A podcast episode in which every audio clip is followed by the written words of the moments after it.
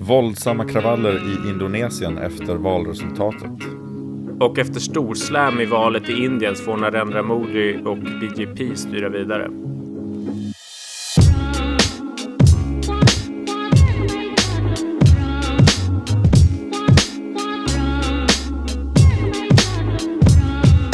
Vi har en utställning på gång, eller hur? Ja, just det. På Ibis, eh, Galleri Ibis i Vasa i Finland så kommer vårt reportage från Indien att ställas ut. Eh, det öppnar faktiskt idag klockan 17. Eh, så direkt efter här, den här inspelningen så måste jag sätta ihop alla bildtexter och skicka till dem så att de hinner komma upp på väggarna. De har haft problem med att få fram ramar, va? Ja, ramarna är inte framme än tyvärr. Um, vi gjorde en liten rokad för jag kom på att att jag köper ramar i Sverige och postar till Finland blir jävligt dyrt. Så då beställde jag ramar i Finland istället direkt till dem, men de har inte hunnit komma fram. Uh, så mm. nu sitter bilderna direkt på väggen. Det gör dock alla andras bilder. Det är som en typ grupputställning eh, över hela sommaren där. Då. Och alla andras bilder sitter också bara direkt på väggen. Men eh, förmodligen imorgon så sitter mina bilder inramade också. Okej. Okay.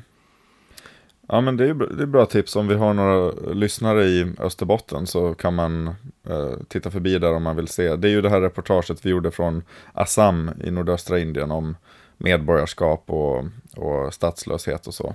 Precis, Hänger det hela precis. sommaren sa du? Ja, men jag tror det. Jag kommer inte ihåg exakt slutdatum, men uh, jag för mig att det skulle vara typ den längst utställningen de har i år eller något sånt där. Så den hänger nog. Det är för att fylla liksom lokalerna under sommaren. Mm, just det. Är det något annat som uh, är på gång som vi borde prata om innan vi kommer in på, på vårt huvudämne? Uh, vi publicerar väl en grej i, på omvärlden uh, igår eller något sånt där från Burma. Just det. Det är ett litet, uh, ett litet Burma-paket. Um, ett Myanmar-paket som vi... Mm. jag har lagt ut de flesta... Jag tror jag har lagt ut alla länkarna på Facebook-sidan. Så dit kan man gå om man vill läsa. Men det är ju dels en intervju med en tidigare studentledare och politisk fånge. Piu Piu Aung Eh, mm. Där hon berättar om ja, men, hennes syn på uh, utvecklingen i landet och lite också sina egna planer på att ge sig in i politiken eller ja, hur hon vill förändra landet. Liksom. Mm.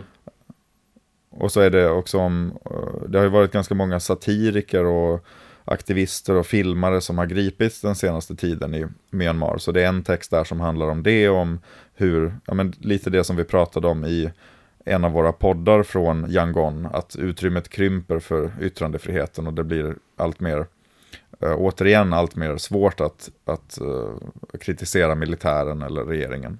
Ja, precis. Nu gjorde du en väldigt bra segway över till uh, att uh, Wallon och Kaosou, de här Reuters-journalisterna som satt fängslade och som vi har nämnt tidigare då, har faktiskt blivit släppta. Eh, att de eh, och deras kollegor nu fick motta sitt Pulitzerpris. Just det, i, i New York. Det ja. ja, det är väl nästan, kan man säga att det är det största journalistpriset i världen, eller? Ja, det kan man nog säga. Det prestige, mest prestigefyllda i alla fall, eller mest kända, absolut. Ja, anrika liksom. Det är ju, ja. det är ju väldigt uh, stort.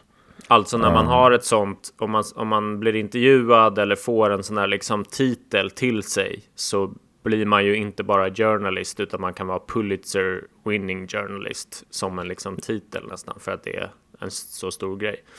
Just så, det. Så det är ju väldigt kul att de går från uh, att vara fängslade i Burma med en väldigt osäker framtid och en sju års fängelsedom till att eh, vara frisläppta, kunna åka till New York och få ett av eh, journalistvärldens största priser tilldelat sig. Mm. Ja, det, det, var kul att, eh, att, se. Vi kanske kan klippa in någon liten grej från, från deras tacktal här. I would like to recognize our fellow journalists around the world who risk their lives and their freedom every day to report the news. Finally, we want, we want to use this opportunity to thank our wives, our small daughters, and our families and friends who continually support us during that hard time. we cannot survive without their support, uh, the support of everyone at Reuters and all of you around the world. Thank you so much. En tråkigare nyhet är att um, i Bangladesh så uh, sitter en uh, människorättsförsvarare och journalist som heter Mohammed Abdul Qayyum fängslad. Han greps um, den 11 maj um, och uh, han, han, dels så skriver han för uh, bangladeshiska nyhetsmedier men han är också en del av människorättsorganisationen Oddikars um, ehm, nätverk av MR-försvarare som jobbar i Bangladesh. Och det är ju Um, det, är det är ett väldigt svårt läge just nu i Bangladesh för all form av opposition eller uh, kritiker. Och särskilt utsatta är ju då de här organisationerna som jobbar med mänskliga rättigheter. Det finns inte så många kvar som kan arbeta med sånt för trycket från staten är så himla hårt. Um, mm. och, och, han här har nu då suttit sedan 11 maj, han har inte kunnat släppas mot borgen utan är fortfarande i, i fängelse. Och det, det, jag läste att det är en lång rad anklagelser mot honom. Den ena är mer absurd än den andra. Men det är, det är ett ganska typiskt exempel på hur uh, polis och rättsväsendet i Bangladesh används för att tysta uh, kritiker och att uh, bekämpa den här typen av organisationer. Så det, mm. det var väldigt tråkigt att läsa och hoppas att han kommer ut så snart som möjligt. Ja, verkligen. Um, den här uh, fotografen blev väl uh, släppt för ett tag sedan väl? Shahidul Alam ja, precis. Ja. Han, han satt ju ett tag därefter när det var de här trafikprotesterna i Dhaka. Just det. Så, så blev ju han gripen. Jag har glömt hur länge han satt, men han blev ju torterad också under mm. sin fångenskap. Och det har ju Mohammed Abdul Qayyum också blivit. Mm. Uh, ja, det är verkligen deppigt. Um, efter tips från lyssnaren Oskar Karlefred har vi också snappat upp en Snapchat-debatt i Singapore. Just det. Uh, nej, men de, de, har infört en, klubbat igenom en ny lag då, som förbjuder fake news. Uh, och i praktiken då ser den här myndigheterna rätt att söka efter, ta bort inlägg och meddelanden och uh, lägga in rättelser Eh, och det är då meddelanden som de anser är emot liksom public interest. Jag förstår. Eh, så då kan man få, om man delar fake news enligt deras egen subjektiva bedömning så kan man få böter eller fängelse upp till fem år. Om man har fejkade konton eller bottar som sprider nyheter som de anser är fake så kan man få upp till eh, en miljon Singapore dollar i böter och upp till tio år i fängelse. Uh, och det är liksom grejen är väl att den här lagen är väldigt uh, bred liksom. Det är massa plattformar som kan bli uh, mål, måltavla för det här. Det är sociala medier, det är nyhetssajter och de verkar även hävda att de ska kunna gå in i liksom chattapp appar och sådär. Att liksom WhatsApp ska kunna eh, man ska kunna dömas för att skicka liksom även krypterade meddelanden så här om de är fejkade. Mm -hmm. Däremot har de inte liksom kommit fram med hur de ska komma åt sådana här krypterade meddelanden. Men de hävdar i alla fall att de ska liksom lagföra i sånt fall eh, själva apparna eller liksom de som står bakom apparna och att de måste lägga in rättelser så att man till exempel ska kunna skicka ut en massrättelse på någonting som de har sett som de tycker är fake. Ja. Eh, men eh, ja, så det är liksom från, från regeringens sida så är det ju så här, de behöver strikta lagar för att stoppa liksom eh, osämja och religiös och, och rasbundna konflikter i landet. Um, och att liksom regeringen behöver kraften att snabbt kunna stoppa sådana här liksom, uh, ja, uppviglingar och sånt. Um, mm. um, ja, det där är ju jätte, alltså det är ju en jättesvår fråga för, eh, jag menar det finns ju uppenbara problem med den här lagen, men så har man ju samtidigt också sett vad fake news kan leda till i de här länderna. Alltså där är ju Myanmar ett bra exempel där liksom, det spreds otroligt mycket falska nyheter och propaganda mot uh, rohingya-minoriteten till exempel. Där, ja. där, var ju staten delaktig i att sprida dem dessutom. Men jag menar, där hade man ju kunnat vilja ha möjligheten att plocka ner sånt då förstås. Så det, det, har, det är ju sånt som kan leda till, till hemskheter.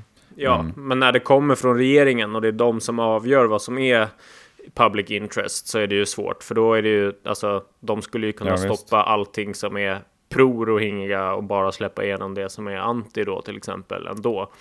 Precis. Eh, så det, det bygger ju på en väldigt, liksom, att man verkligen litar på de som gör den här bedömningen. Um, de säger att de inte ska rikta in sig på, alltså att åsikter inte ska påverkas, utan att det är mm. liksom bara så här. Men vi får väl se, det är en, en uh, Human Rights Watch Asia, uh, ledaren av Phil Robertson, han är Deputy Director. Uh, han har ju sagt att det här bara är liksom frankly insane och att det går mot ett liksom Big Brother stil av kontroll och sensor censorship. Um, som bara är ett, att det är ett direkt hot mot uttryck, uh, uttrycksfriheten. Och, ja, verkligen. Um, ja, särskilt när det är ju sällan det går att säga så säkert om vad som är falskt eller inte. Oftast är ju saker lite liksom mittemellan. Att det kan finnas, i de flesta fake news så finns det ju ett uns av eh, något slags frö av sanning som man sen har twistat. Mm. Um, och, ja visst. Ja. Nej, alltså jag kan tycka att den här idén med att, att uh, kunna skicka ut rättelser kan vara ganska nice. Mm. Uh, att, att lite som vi nämnde i, i, Indien där, att man hade testat det här med faktakollar liksom och att det skulle kunna, man kan skicka in och få saker kollade och sådär. Uh, det. det. är ju en intressant väg att gå och det är väl jättefint om antingen företagen eller någon ta på sig det, men det är ju ett jättejobb och fortfarande en väldigt subjektiv bedömning då. Vad är liksom tillräckligt eh, fel för att rättas och sådär. Mm. Um, Singapore är rankad 151 av 180 uh, i uh, värde, liksom pressfrihetsindex. Så de har ju också en liksom. De ligger inte jättebra till i yttrandefriheten redan nu. Nej, nej precis. Um, och det här lär ju inte bättra på det direkt när det är liksom staten Nej. som avgör vad som är fake och inte. Nej, verkligen. Ska vi gå över till vårt eh, huvudämne för podden? Ja, absolut. Uh, ja, men vi har liksom två omvalda ledare i några av världens största länder. Modi i Indien och uh, Jokowi i Indonesien. Vad tänker du om eh, valresultaten? De kom ju typ samtidigt. Jag tror det var, var det 22 och 23 maj som det blev klart i bägge länder. Ja, det var väldigt nära varandra och det var väl. Eh, det är lite intressant för det är ju som att i Indien så är det liksom det nationalistiska partiet som satt vid makten och har blivit omvalda. Och i Indonesien så skulle man väl kunna säga att det är en ganska eh, liberal eh, demokratisk ledare som har suttit vid makten och blivit omvald, men där hotet eller liksom oppositionen har varit eh, en, en kanske en överdrift, men en galen general som liksom bara vill ta, ja. ta makten helt enkelt och göra sig av med alla som är emot honom. Jo, men lite så är det ju verkligen. Men Ja, alltså min reaktion på det indiska valet är väl så här att de får ett nytt mandat med en ganska stor majoritet gör ju att de eh, på något sätt befäster liksom att deras eh, politik och, och eh, retorik fungerar och det ger dem liksom mandat att fortsätta och kanske utöka den här liksom delen. Mm. Ja, partiet. för det var, jag, jag blev lite jag vet inte, jag tittade ju mest på opinionsmätningar och sånt inför valet och där såg det ju, det såg ju ut som att Modis partiallians skulle vinna, men det var ju en ganska knapp majoritet, så liksom det kändes ändå lite osäkert om kommer de att klara sig själva eller behöver de söka fler partier eh, för att regera. Nu vann ju hans parti egen majoritet igen, um, precis som i förra valet. Ja. Och det är, ju, det är ju väldigt imponerande förstås. Och jag vet inte, jag tänker att det säger massa saker, men dels eh, framförallt så säger det väl, det är väl ett kvitto på att liksom den nya spel, liksom storspelaren och kanske så här givna maktpartiet i Indien är numera BJP och det är inte kongresspartiet som tidigare var det partiet som var det givna maktpartiet. Nej, så, så är det ju verkligen. Och det är ju de flesta reportagen som vi gjorde i Indien. Där handlar ju om olika minoriteter som på ett eller annat sätt känner sig ganska utsatta av den här politiken och det här partiet och hoppades väldigt mycket på en förändring. Eh, HBT, HBTQ-personer och eh, deras rättigheter som visserligen hade blivit bättre då var ju det vi skrev om men fortfarande eh, känner sig ju utsatta i liksom en växande konservativ eh, mm. miljö på något sätt.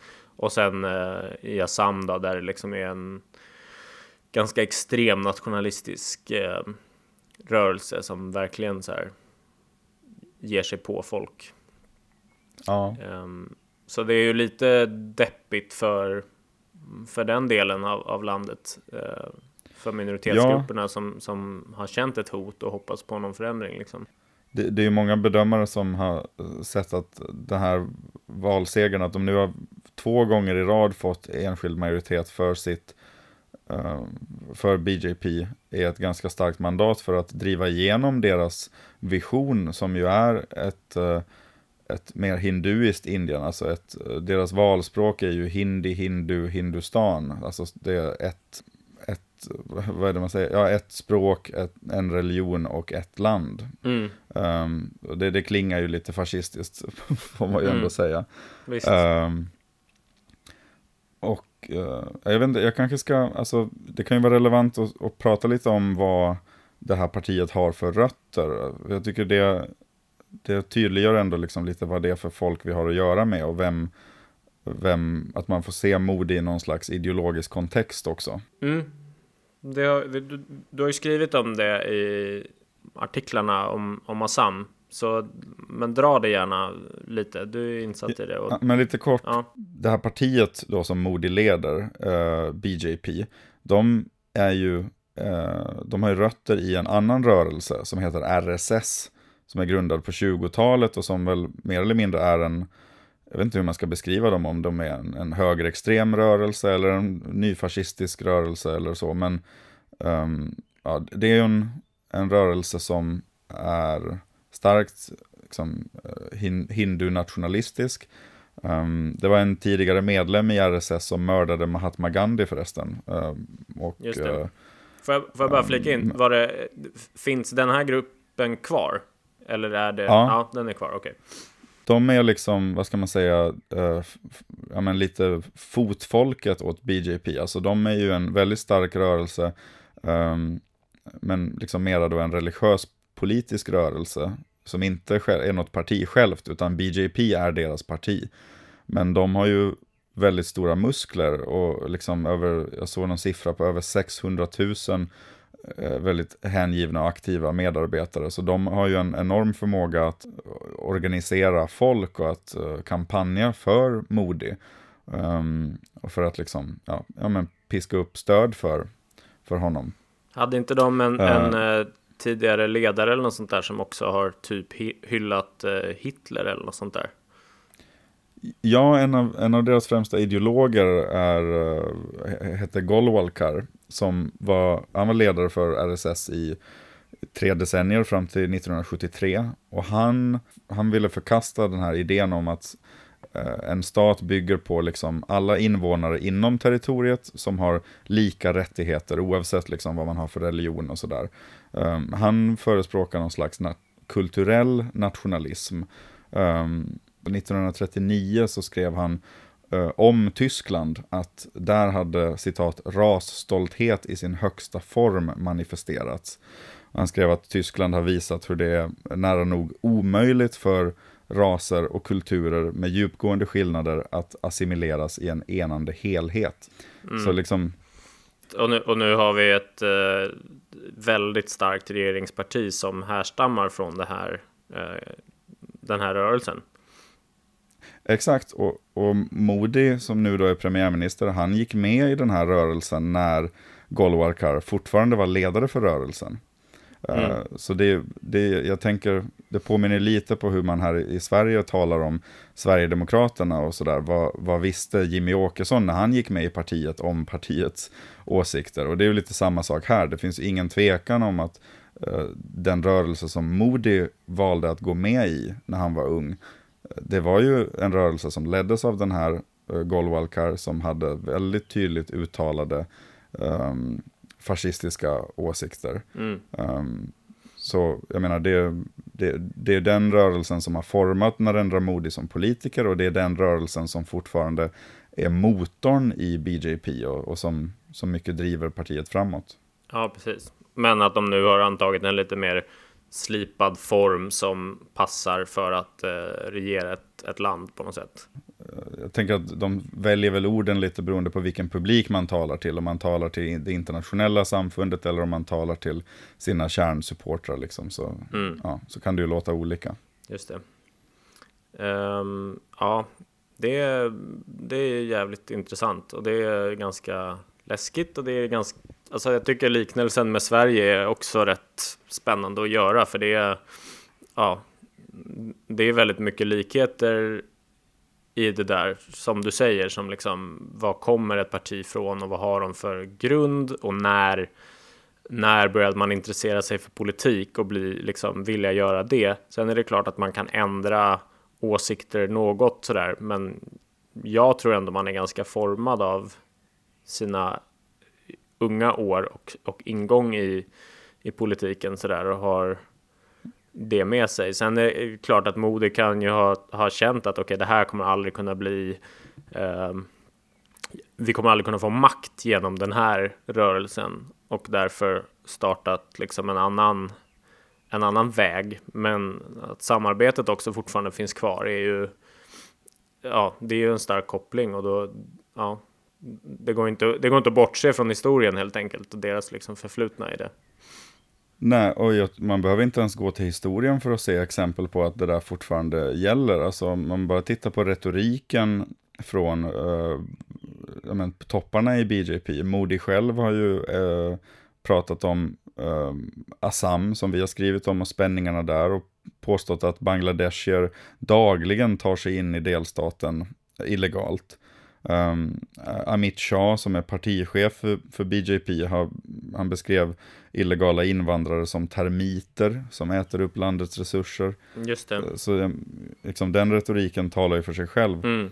Ja. Uh, Amit Shah ska för övrigt bli uh, minister nu såg jag i den nya regeringen. Mm. Uh, det spekulerades om att han skulle bli finansminister förmodligen. Men, Just det. Um, så det är ju, ja, jag tror att den här hindu-nationalismen kommer få en kanske ännu mera uh, framhävd roll i den här nya, nya regeringen. Ja, alltså, men som vi sa tidigare då, det här liksom mandatet att, att uh, vinna egen majoritet igen gör ju dels att de liksom får ett erkännande på att det funkar och dels mm. en trygghet att våga liksom pusha gränsen eh, ännu mer.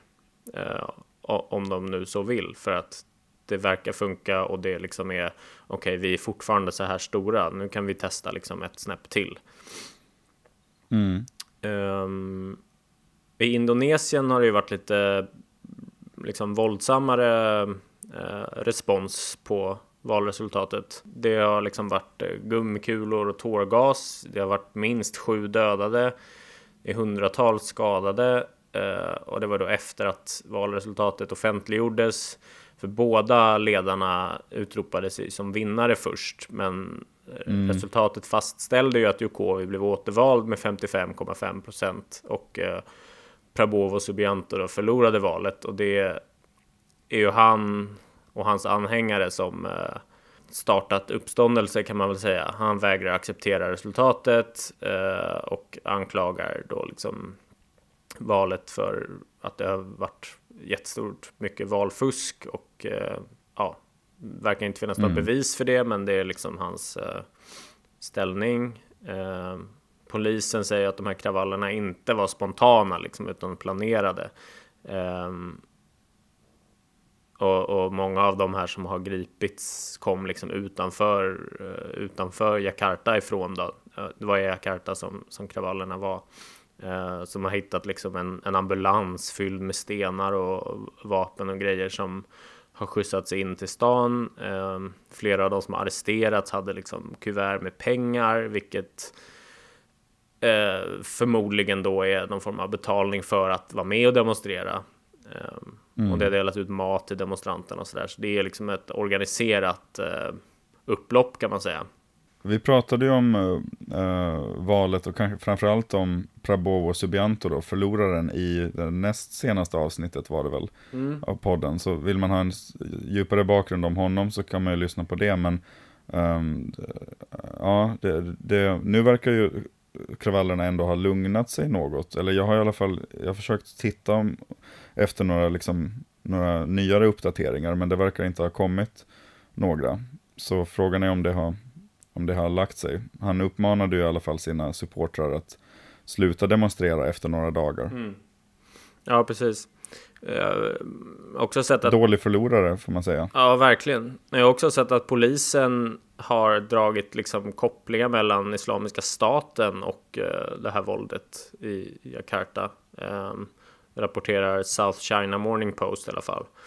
Mm. Och uh, för att koppla tillbaks till den här lagen i Singapore så har det varit liksom um, någon form av utegångsförbud på WhatsApp och Facebook. Alltså det har varit liksom, jag vet inte om de har släckt ner eller något sånt där, eller liksom stoppat tillflödet av nyheter från dem för att stoppa mm. fake news och uh, kritik är fel ord, men uh, ja, attacker mot etniskt kinesiska uh, personer och, ja. och, grupper och sådär. Det har liksom, och det har ju varit en en koppling som, som Jokowi har haft i och med att hans eh, andra namn tidigare och han som var, var guvernör i Jakarta då var etniskt kines. Eh, jag ser här lite längre ner om jag går in och nördar lite så är det av de här alltså 442 gripna eh, protestanterna